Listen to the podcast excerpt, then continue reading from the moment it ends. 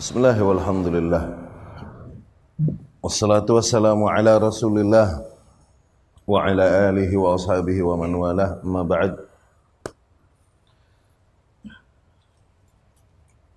Al-aslu al-awwal Pondasi yang pertama. Ya, pilar yang pertama. Ikhlasuddin lillah.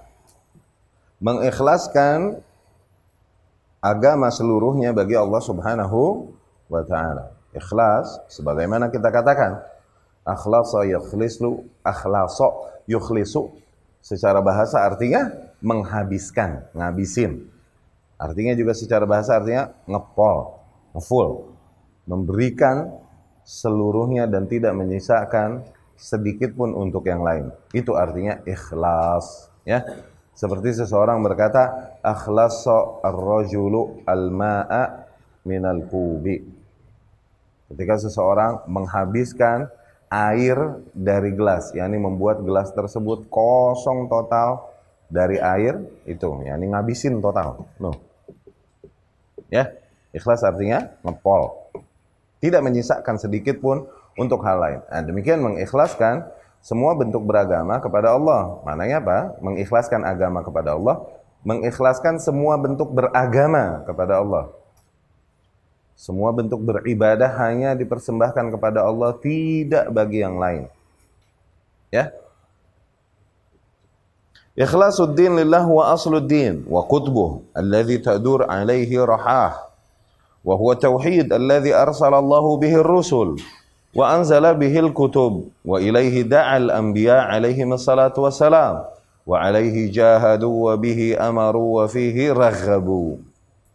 Mengikhlaskan agama kepada Allah Subhanahu wa taala itu adalah inti dari agama dan kutubnya. Yang di mana agama ini semua beredar di atas hal tersebut, di atas nilai itu, yaitu apa? Tauhid. Ya, mengikhlaskan semua agama bagi Allah Subhanahu wa taala adalah tauhid tauhid. Nilai tauhid adalah nilai yang Allah Subhanahu wa taala utus para rasulnya untuk menyeru kepada hal itu. Yang untuk itu Allah Subhanahu wa taala turunkan kitab-kitabnya dan demikian juga para nabi sallallahu alaihi wasallam menyeru kepadanya. Ya. Dan juga demi nilai tersebut para nabi sallallahu alaihi wasallam berjihad di jalan Allah Hal itu juga yang diperintahkan oleh para nabi alaihi wassalatu wassalam wa fihi raghabu dan hal itu juga yang diserukan oleh para nabi alaihi wassalatu wassalam.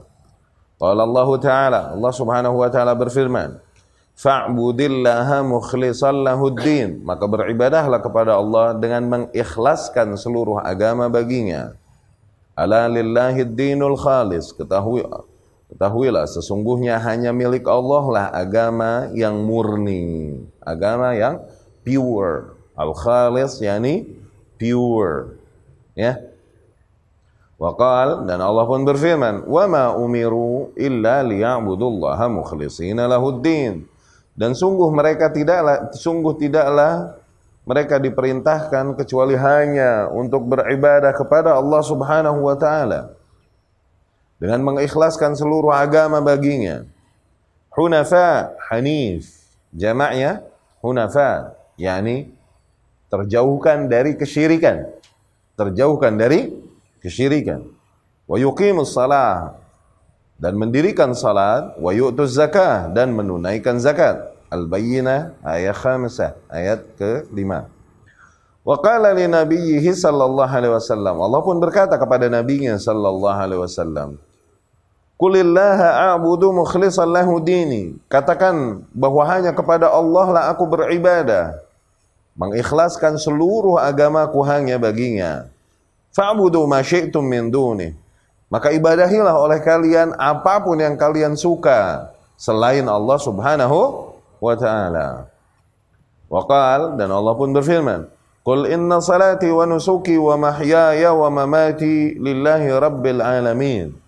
Katakanlah, yakni katakanlah wahai Muhammad, sesungguhnya salatku, sesembelihanku, seluruh hidup dan matiku hanyalah bagi Allah Rabb alamin, yakni Tuhan semesta alam. La syarikalah. Tiada tuhan, tiada sekutu baginya. Wa bidzalika umirt. Dan atas hal itulah aku diperintahkan. Wa ana awwalul muslimin. Dan aku adalah muslim yang paling awal. Yani Aku adalah orang-orang yang paling pertama berserah diri kepadanya. Ya. Fahadha tauhid huwa bimathabah al-asas al-asas min al-bunyan. Maka tauhid ini apabila dianalogikan kepada sebuah bangunan, posisi tauhid ini seperti pondasi. Oke, okay? al-asas, asasnya, pondasinya. Ibnu Qayyim rahimahullah berkata, "Man arada 'uluwa bunyanihi fa 'alaihi bi tawthiqi asasihi." Barang siapa yang mau meninggikan dan memegahkan bangunannya, maka kewajiban dia yang pertama adalah agar dia menguatkan dulu pondasinya. Wa ihkami dan mengaturnya. Wa syiddah al-i'tina bih dan benar-benar merawat pondasinya dengan baik.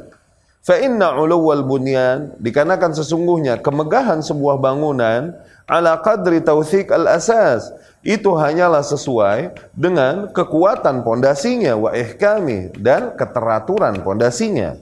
Fal a'malu wad darajatu bunyan. Maka amal-amal saleh okay?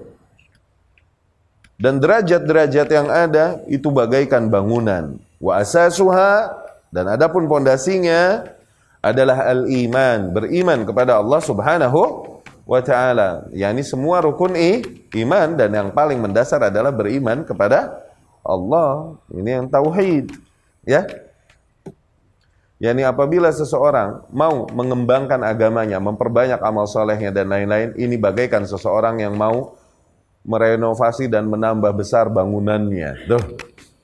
Maka sesungguhnya hal itu percuma apabila dia tidak perkuat dulu pondasinya. Okay? Dia perbanyak amal solehnya, dia perbanyak pengorbanannya di jalan Allah Subhanahu wa taala seolah-olah. Namun tidak berangkat dari pondasi yang baik, maka niscaya bangunan tersebut tidak lama akan runtuh. Sebagaimana bangunan yang dibangun begitu megah tapi di atas pondasi yang yang keropos, ya, yang tidak teratur dengan rapi, yang tidak tertancap dengan dengan apa? Tidak tertancap dengan baik. Ya. Fal arif himmatuhu tashihul asasi wa ihkamuh. Tuh.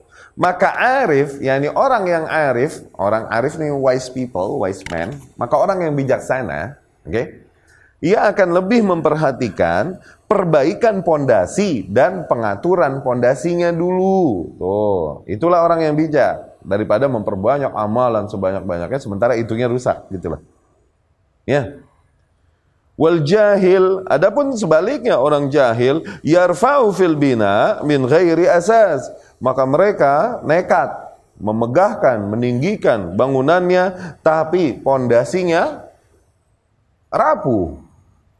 Ya, tidak dia perkuat dulu. Fala yalbath bunyanuhu ayyaskut. Maka nggak lama bangunannya tersebut akan roboh. Tuh. Ya.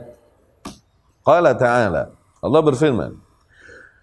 Afaman assasa bunyanahu ala taqwa minallahi wa ridwanin khairun amman assasa bunyanahu ala syafa jurufin harin fanhara bihi fi nari jahannam. Apakah mereka yang mendasari bangunannya di atas ketakwaan kepada Allah Subhanahu wa taala dan di atas keridhoannya itu jauh lebih mulia atau mereka yang mendasari bangunannya di tepi jurang yang rapuh yang kemudian longsor, terjatuh dan terjerumuslah mereka ke dalam api neraka. Mana yang lebih baik? Begitu artinya. Ya. Kultu, aku pun berkata. Siapa yang berkata tuh? Syekh Abdul Malik penyusun. Aku berkata, ya ini si penyusun berkata. Ya. Wadhalika anna hadhihi al-ayah nazalat fil munafiqin. Ini ayat ini nih, kenapa demikian? Ini ayat turun kepada para orang-orang munafikin. Alladzina banau masjidan lissalati fihi yang di mana mereka udah mengeluarkan dana berkorban semuanya pada membangun masjid untuk mereka sholat di situ. No, kaum munafikin, masya Allah, no lihat beramalnya sampai titik bikin masjid luar biasa. No, tapi tauhidnya rusak. Ini bagaikan mereka yang membangun bangunan dengan megah, namun berangkat dari pondasi yang rapuh. Sebesar apa pun dan semegah apa pun rontok. Ya. Ini seperti kaum munafik, ini para kaum munafikin yang akhirnya mereka membangun masjid untuk sholat di situ. Lakinnahum lamma atau bihadzal amal al-azim al-fadil wa qulubuhum khilwun min al-ikhlas lam yanfa'hum dzalika syai'an. Namun ketika mereka melakukan amalan tersebut, amalan yang besar, amalan yang mulia secara zahirnya, tapi hati mereka kosong dari keikhlasan, maka hal tersebut tidaklah berefek baik juga bagi mereka, tidaklah bermanfaat bagi mereka. Ya, tidaklah membawakan kepada mereka manfaat sedikit pun. Bal inhara bihim fi nari jahannam kama fil ayat. Bahkan justru hal tersebut malah membawa mereka, yakni amalan tersebut justru malah membawa mereka ke api neraka sebagaimana ditegaskan di ayat tersebut. Ya.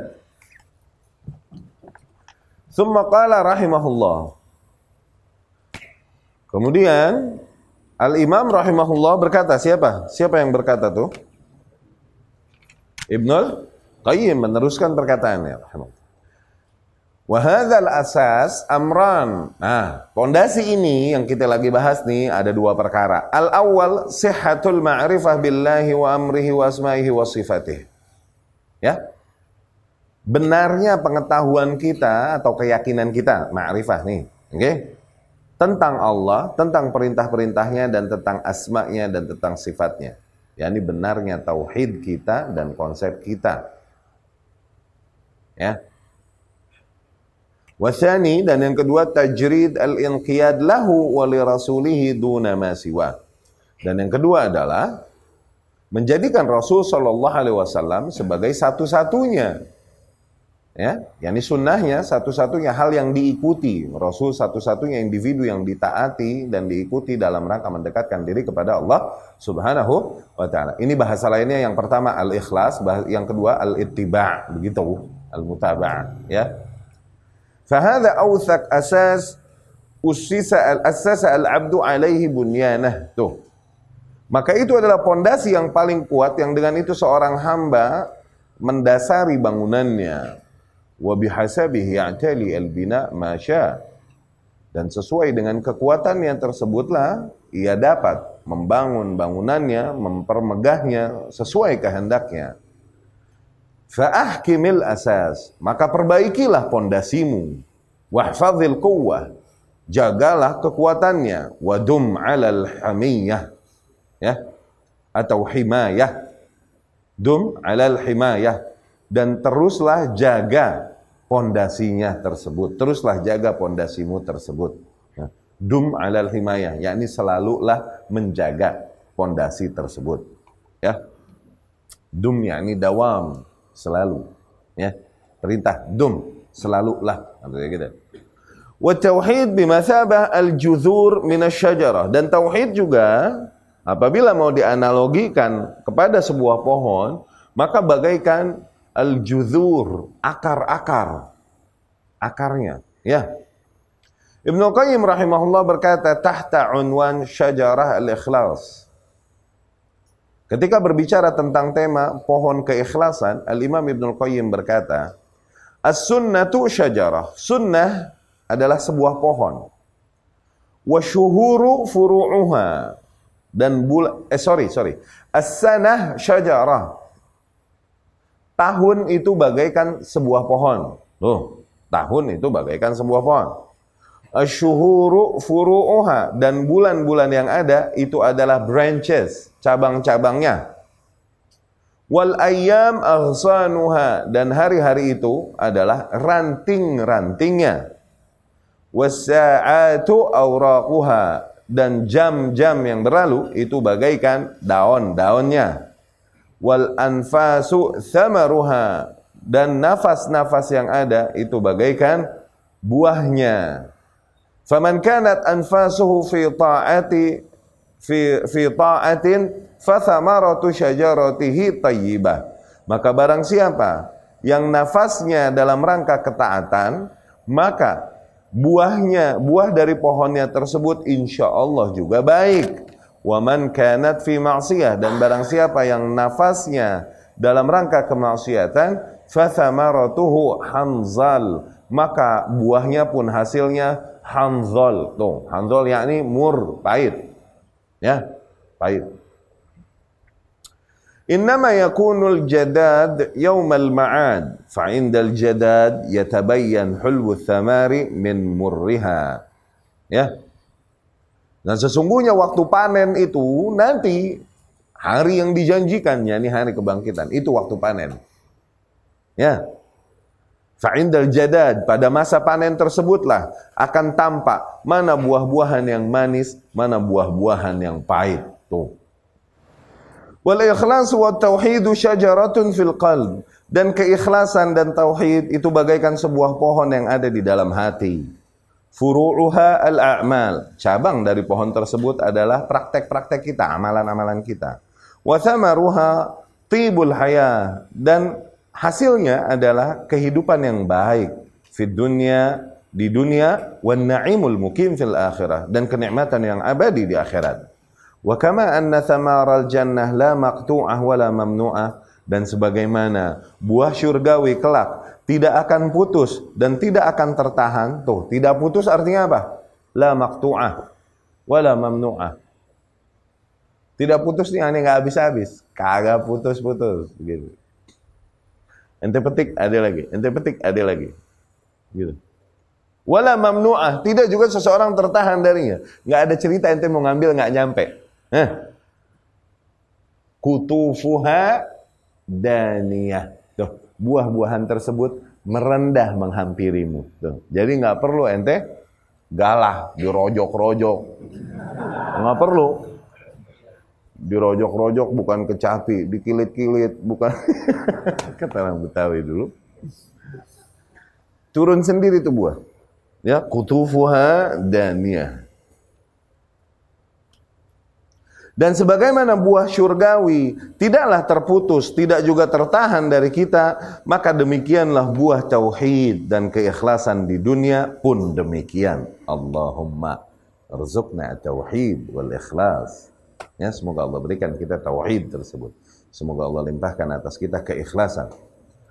Wasyirku wal kadhib wal riya syajaratun fil qalb. Dan demikian pula kesyirikan, kedustaan, ya, dan keriaan adalah sebuah pohon yang berada di dalam hati. Tuh, kesyirikan, hoax, dan keriaan itu pohon yang ada di dalam hati. Okay. Samaruha fid dunya al-khawf wal gham.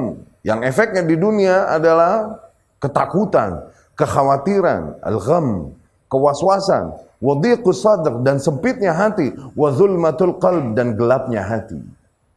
Wa thamaruha fil akhirah dan buahnya di akhirat adalah az-zaqum wal azab al-muqim. Zaqum yakni buah di antara buah-buahan neraka. Zaqum adalah buah-buahan yang ada di neraka, makanan penduduk neraka. Ada seorang ustadz di Surabaya. An lagi main sama dia. An lagi sama beberapa ustadz. Pergi kita makan duren. Oke? Okay? Ini satu ustadz nggak suka duren kita paksa dia makan, nggak mau zakum, nggak mau zakum, zakum dong katanya duren. Duren ya zakum nggak mau. Jadi mabuk dia kena duren. Kita paksa dia bilang zakum, zakum no nungging gue. Zakum buah-buahan neraka. Makanan penduduk neraka. Wal azab al muqim, ya. Dan azab yang abadi. Wa qad dzakarallahu hataini syajarataini fi surah Ibrahim. Dan tahukah kita bahwasanya Allah Subhanahu wa taala pernah menyebutkan dua jenis pohon ini di dalam surat Ibrahim. Qultu, aku pun berkata, yakni Syekh Abdul Malik hafizahullah. Yurid qaulallahi taala yang dimaksud oleh al-Imam di surat Ibrahim adalah firman Allah Subhanahu wa taala Alam tara kaifa daraballahu mathalan kalimatan tayyibah kasyajaratin tayyibah. Tidakkah kau lihat bagaimana Allah Subhanahu wa taala memberikan perumpamaan sebuah kalimat yang baik itu bagaikan sebuah pohon yang baik. Kalimat yang tayyib yakni tauhid la ilaha illallah Muhammadar Rasulullah dan ittiba. Itu bagaikan sebuah pohon yang sehat. Asluha thabit Akarnya itu begitu tertancap dan kokoh. Wa far'uha fis sama dan uh, cabang-cabangnya melambung tinggi di langit. Tu'ti ukulaha kullahin yang dia dapat panen setiap masa biizni rabbiha. Tuh, nggak pakai setahun sekali dua kali. Tiap waktu dia panen. Biizni rabbiha dengan izin Tuhannya.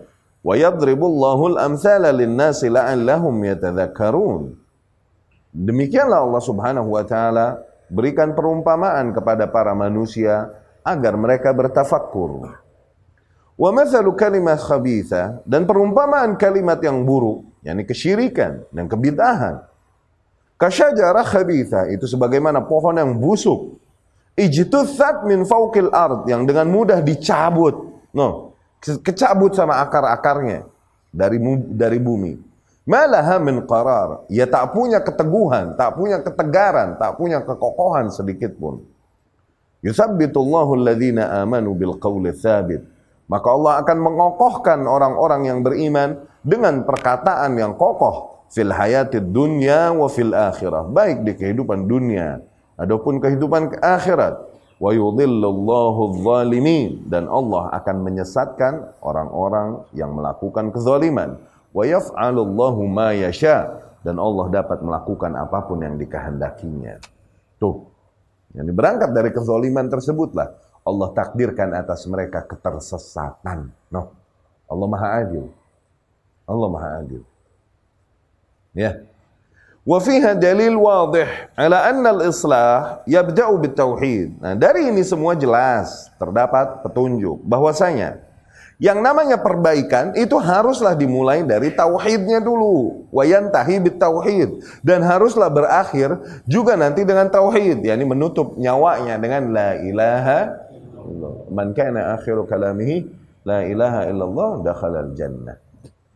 Ya, barang siapa yang akhir perkataannya yang di dunia la ilaha illallah maka ia niscaya masuk surga. Semoga Allah Subhanahu wa taala berikan kita taufik untuk menutup nyawa kita dengan la ilaha illallah Muhammad Rasulullah. Ya. Wa yurakkaz fihi baina dzalik ala tauhid dan di antara kedua tersebut yakni di antara pembukaannya dan penutupannya juga difokuskan kepada tauhid. Walamma kana tauhid bimathabah al-asas min al-bunyan dan ketika tauhid berada di posisi pondasi pada sebuah bangunan, wal juzuru minasyajarah dan berada di posisi akar dari sebuah pohon, kana awwalu amrin yusadifu an-nasa 'inda iftitahihim lil mushaf min bidayati wa dhalika qawluhu subhanahu ya ayuhan nasu ubudu rabbakumul ladzi khalaqakum walladzina min qablikum la'allakum tattaqun ya dan dikarenakan tauhid itu begitu penting demikian, maka di antara perintah awal-awal perintah yang didapatkan oleh manusia ketika mereka membuka mushaf, oke? Okay? Sejak awal yaitu firman Allah Subhanahu wa taala, "Wahai sekalian manusia, beribadahlah kalian kepada Rabb kalian yang telah menciptakan kalian." Juga orang-orang yang sebelum kalian agar kalian bertakwa. Tuh, ini surat Al-Baqarah ayat 21. Jadi dari Al-Fatihah terus sampai habis. Al-Baqarah 1 sampai 20 belum kita ketemu kalimat perintah Allah belum. Perintah kalimat command fi'il amr belum. Ya? Kalimat perintah itu baru ditemui ayat kedua satu. Dan perintah apa? Perintah untuk hanya beribadah kepada Allah subhanahu wa ta'ala. Tauhid. Ya ayuhan ubudu rabbakum alladhi khalaqakum walladhina min qablikum la'allakum tattaqun. Wahai sekalian manusia, beribadahlah kalian kepada Rabb kalian yang telah menciptakan kalian dan juga yang telah menciptakan orang-orang sebelum kalian agar kalian bertakwa. Tuh. Ya. Yani Allah menyeret di sini dari tauhid rububiyah kepada tauhid uluhiyah. Yani kau menerima bahwasanya semua alam semesta ini Allah yang menciptakan gunung-gunung, lautan, langit, bumi, oke, okay? udara yang ada, matahari yang menghidupkan dan mematikan, menciptakan semua Allah yang menciptakan kan? Dan semua makhluk ada yang ada di Allah yang menciptakan kan? Tuh, dari tauhid rubuh rububiyah. Allah seret ke tauhid uluhiyah. Maka wahai sekalian manusia, beribadahlah kepada Rabb kalian itu yang telah menciptakan kalian tadi, yang kalian yakini bahwa hanya Ia yang menciptakannya. Dan juga menciptakan manusia-manusia sebelum kalian. Agar kalian bertakwa. Agar kalian bertakwa. Ya ini apa? Takwa jangan ditungguin datang hidayahnya, jangan. Hampiri dengan apa? Dengan mulai beribadah kepada Allah Subhanahu wa taala. Akhirnya rasa takut tersebut akan datang ke dalam ha ke dalam hati. Ya. Jadi bagaimana kalau sesuatu Ustaz bagaimana cara memupuk rasa takut kepada Allah Subhanahu wa taala? Beribadah. Lakukan perintahnya. Itu akan memupuk rasa takutmu. Tuh, la'allakum agar kalian bertakwa. Iya kan? Beribadahlah kepada Allah agar kalian bertakwa. Jadi Ustaz gimana cara merealisasikan takwa? Memupuk rasa takut kita di dalam hati, gimana caranya? Itu terapi untuk hati kita agar semakin takut kepada Allah Subhanahu wa taala. Eh, mana bite? Oh itu, ya. Summa ba'da hadha mubasyarah an-nahyu amma yudadu tauhid dan abis perintah itu langsung Allah masukin ayat selanjutnya yaitu larangan atas sesuatu yang sangat yang ber, yang bertentangan dengan tauhid. Ala wa huwa syirk. Ketahuilah bahwasanya itu adalah kesyirikan. Pada firman Allah Subhanahu wa taala di ayat selanjutnya, "Fala taj'alu lillahi andada wa antum ta'lamun." Dan janganlah kalian jadikan sekutu-sekutu bagi Allah dan kalian mengetahuinya. Ini kalian mengetahui sungguh Allah tak memiliki sekutu. Tak ada, tak ada zat yang layak menjadi sekutu bagi Allah. Dan kalian ketahui bahwa hanya Allah lah yang tunggal yang menciptakan itu semua. Tak ada sekutu baginya. Itu. Wahadhihi faidah jalilah. Dan ini terdapat faidah yang luar biasa. Lian Allah Jalla wa Ala lam ya'murna bi'ibadatihi fahasab. Dikarenakan di sini Allah tidak hanya memerintahkan kita untuk beribadah kepadanya doang. Balwanahana, tapi justru di sini Allah pun melarang kita aidan amma yang kudu dzalik. Allah pun melarang kita dari apa yang membatalkan hal tersebut, yakni membatalkan ibadah kita kepada Allah. Yaitu beribadah ibadatu ghairi, yaitu beribadah kepada hal lain selain Allah Subhanahu wa taala, yakni syirik. Faqallibin nazar fi kitab rabbika tajidhu hukman muttaradan. Maka teruslah coba kau pandang kitab Tuhanmu, yakni Al-Quranul Karim. Maka kau akan temukan kitab tersebut adalah rangkaian hukum-hukum yang berlaku secara umum. Faminhu qawlullahi ta'ala. Dan di antaranya adalah firman Allah subhanahu wa ta'ala. Wa ilahukum ilahu wahid. Dan Tuhan kalian adalah Tuhan yang satu. Yani Tuhan sesembahan kalian hanyalah Tuhan yang satu. La ilaha illahu. Sungguh tidak ada zat yang hak untuk disembah kecuali hanya ia. Ar-Rahmanur Rahim. Yang lagi yang maha pengasih lagi maha penyayang. Al-Baqarah 163. Al-Baqarah 163.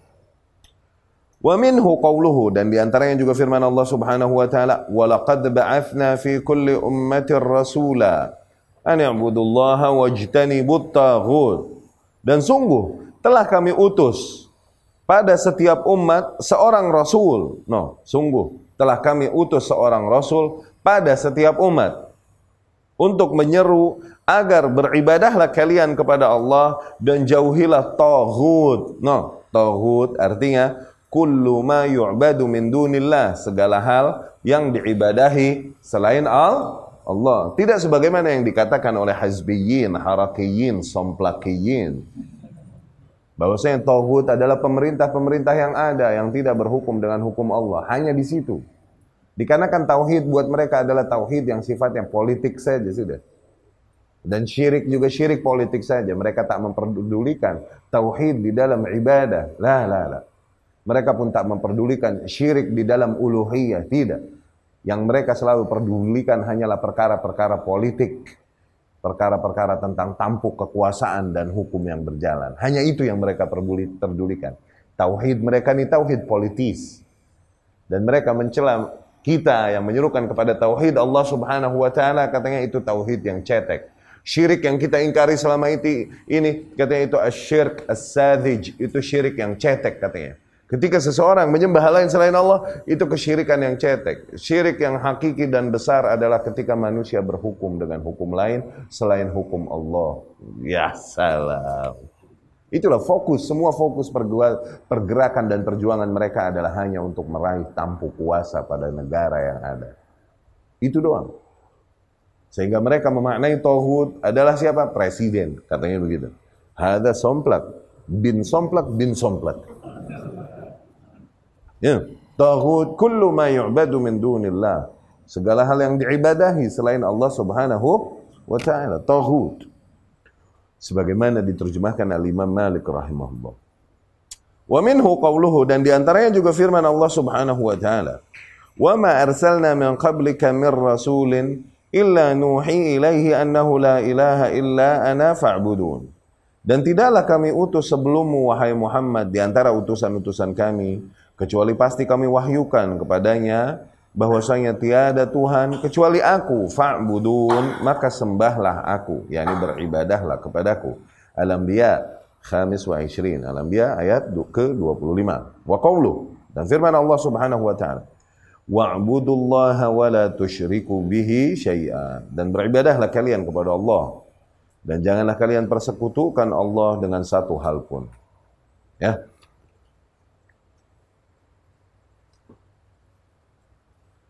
Tapi kita cukupkan dulu sampai sekian. Pertemuan yang akan datang, kita akan masuk dari perkataan Syekh Mubarak Al-Mili rahimahullah.